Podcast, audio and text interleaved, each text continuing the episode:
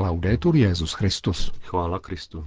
Posloucháte české vysílání Vatikánského rozhlasu v sobotu 28. října.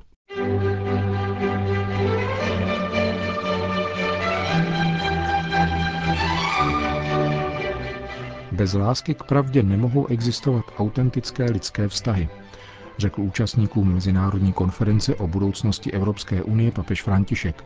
S jehož promluvou vás seznámíme v našem dnešním pořadu, kterým provázejí Jiří Hebron a Milan Glázer.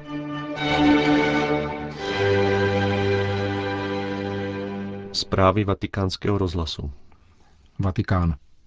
Evropa potřebuje vrátit duši a procitnout, což je úkolem křesťanů, kteří působí v jejich politických strukturách, zdůraznil papež František v promluvě k 350 člené delegaci politiků, zástupců akademické sféry, nevládních organizací a církevních představitelů Evropské unie v rámci Mezinárodní konference o přínosu křesťanů k budoucnosti evropského projektu.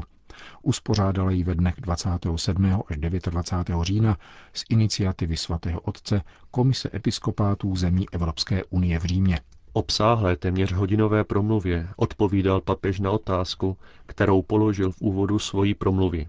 Jaká je naše odpovědnost v době, kdy je tvář Evropy stále více poznamenána pluralitou kultur a náboženských vyznání a křesťanství je vnímáno jako minulý, vzdálený či cizí element?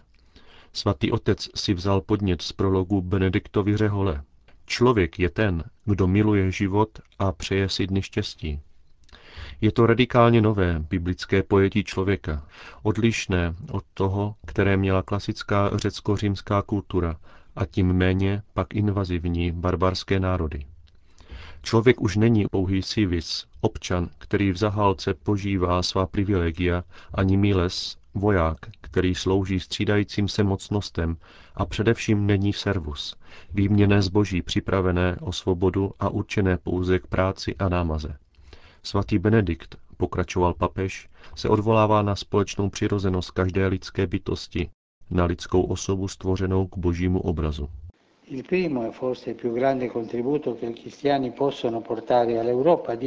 První a možná největší přínos, který mohou křesťané dnešní Evropě dát, je připomenout jí, že není sbírkou čísel či institucí, ale je tvořena lidmi. Často a snadno bývá bohužel každá diskuze redukována na řeč čísel – Neexistují už občané, nýbrž voliči. Neexistují migranti, nýbrž kvóty. Neexistují pracující, nýbrž ekonomické ukazatele. Neexistují chudí, ale práh chudoby. Konkrétnost člověka je tak redukována na pohodlnější a konejšivý abstraktní princip. Důvod je zřejmý. Lidé mají tváře a zavazují nás k reálné, faktické a osobní odpovědnosti. Čísla nás vedou k úvahám, jsou také užitečné a důležité, avšak postrádají duši. Poskytují nám alibi nezájmu, protože se nás netýkají tělesně. Uznání, že druhý je především osobou, pokračoval svatý otec, znamená docenit to, co mne s ním spojuje. To, že jsme osoby, nás spojuje a vytváříme společenství. A to je druhý přínos, který mohou dát křesťané budoucnosti Evropy, totiž znovu objevení přináležitosti ke společenství. La comunità è il più grande antidoto Společenství je nejúčinnější protilék na individualismy, kterými se vyznačuje naše doba. Na onu dnes na západě rozšířenou tendenci koncipovat se a žít v samotě. Je to nepochopení pojmu svoboda, který je interpretován téměř jako povinnost žít v osamocení, zbavení jakéhokoliv svazku, v důsledku čehož je budována vykořeněná společnost postrádající smysl pro přináležitost a zděděný odkaz. Křesťané uznávají, že jejich identita je především vztahová. Jsou součástí těla církve, ve kterém se každý svou totožností a osobitostí svobodně podílí na společném budování. Člověk a společenství, pokračoval papež, jsou tedy základy Evropy, kterou jako křesťané chceme a můžeme pomáhat budovat. Cihlami této stavby je dialog, inkluze, solidarita a mír. Celá Evropa je dnes místem dialogu, od Atlantiku po Ural, od severního pólu po středozemní moře. Takové je pojetí antické polis, které nebylo jen prostorem ekonomické směny, níbrž neuralgickým místem politiky, místem vypracovávání zákonů sloužících všem, místem, kde horizontální dimenze každodenního života nepostrádala transcendentní rozlet, umožňující vidět za to, co je přechodné, pomíjivé a provizorní. To nás vede k tomu, abychom uvažovali pozitivně a konstruktivně o roli náboženství při budování společnosti. Purtroppo un certo pregiudizio laicista Bohužel určitý předsudek laicismu, který je stále v módě, není z to vnímat, že veřejná a objektivní role náboženství má pro společnost pozitivní hodnotu a raději ho vykazuje do soukromé a sentimentální sféry. Nastoluje se tak vláda jakéhosi uniformního myšlení, které se silně promítá do mezinárodních smluv a spatřuje ve stvrzení náboženské identity nebezpečí pro sebe a svoji hegemonii, čímž je prosazován předstíraný rozpor mezi právem na náboženskou svobodu a ostatními základními právy. Prosazovat dialog, jakýkoliv dialog, je zásadní zodpovědností politiky. Ale bohužel se příliš často stává spíše zjevným sídlem střetů mezi protivnými silami. Z dialogu je nahrazován hřevem požadavků. Na mnoha stranách vyvstává dojem, že obecné dobro již není kýženým primárním cílem, a tento nezájem vnímají mnozí občané. V mnoha zemích tak nacházejí úrodnou půdu extremistické a populistické formace, které činí jádrem svého politického sdělení protest, aniž by však nabízeli alternativu konstruktivního politického projektu.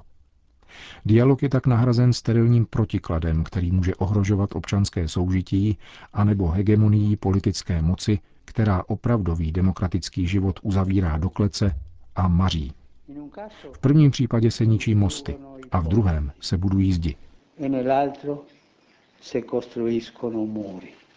Evropští lídři mají prosazovat inkluzivní komunitu, pokračoval papež. Inkluze však není synonymem pro indiferentní splošťování. Naopak, autentická inkluzivnost dovede rozdíly ocenit a přijmout do společného a obohacujícího odkazu.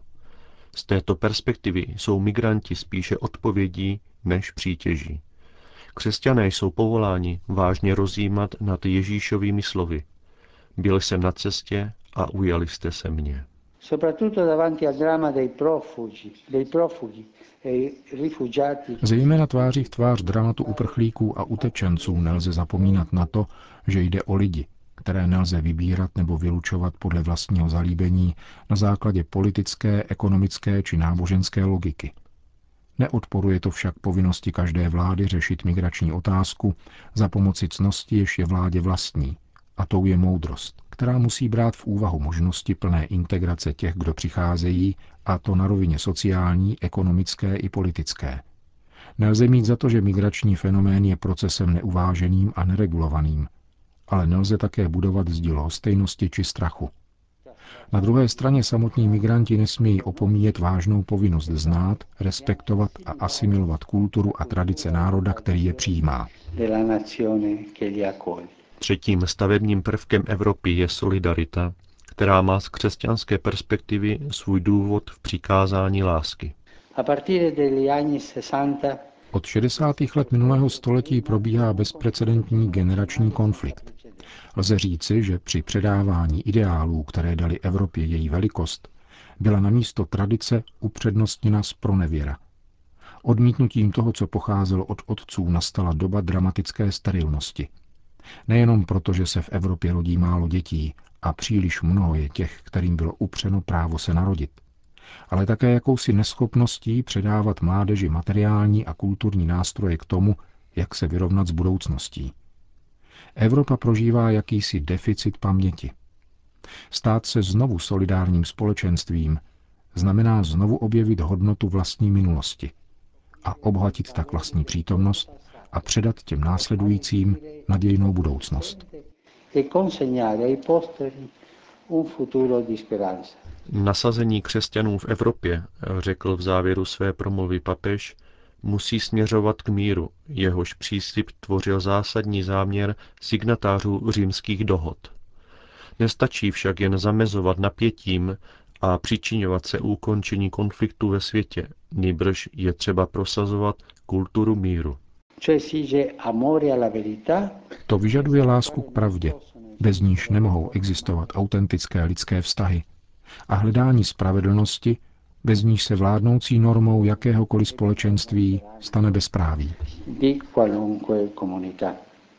Papež František připomněl v této souvislosti bitvu u Caporeta, jejíž z té výročí spadá právě do těchto dnů a která byla vrcholem vleklé první světové války.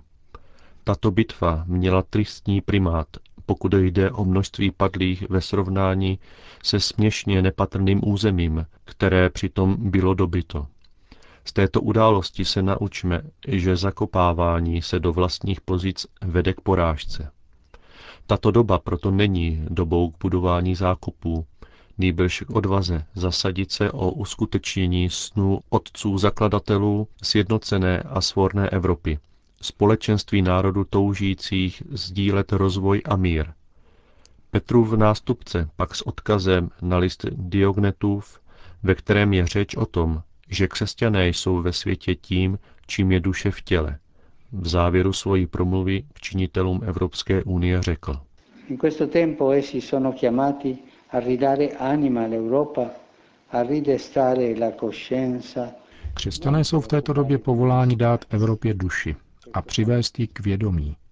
Nikolik obsazování prostorů, nýbrž ke spouštění procesů, aby dali ve společnosti zrod novým dynamikám. Právě to dělal svatý Benedikt, kterého nikoli náhodou Pavel VI. prohlásil za patrona Evropy. On neusiloval o obsazení prostorů zbloudilého a zmateného světa.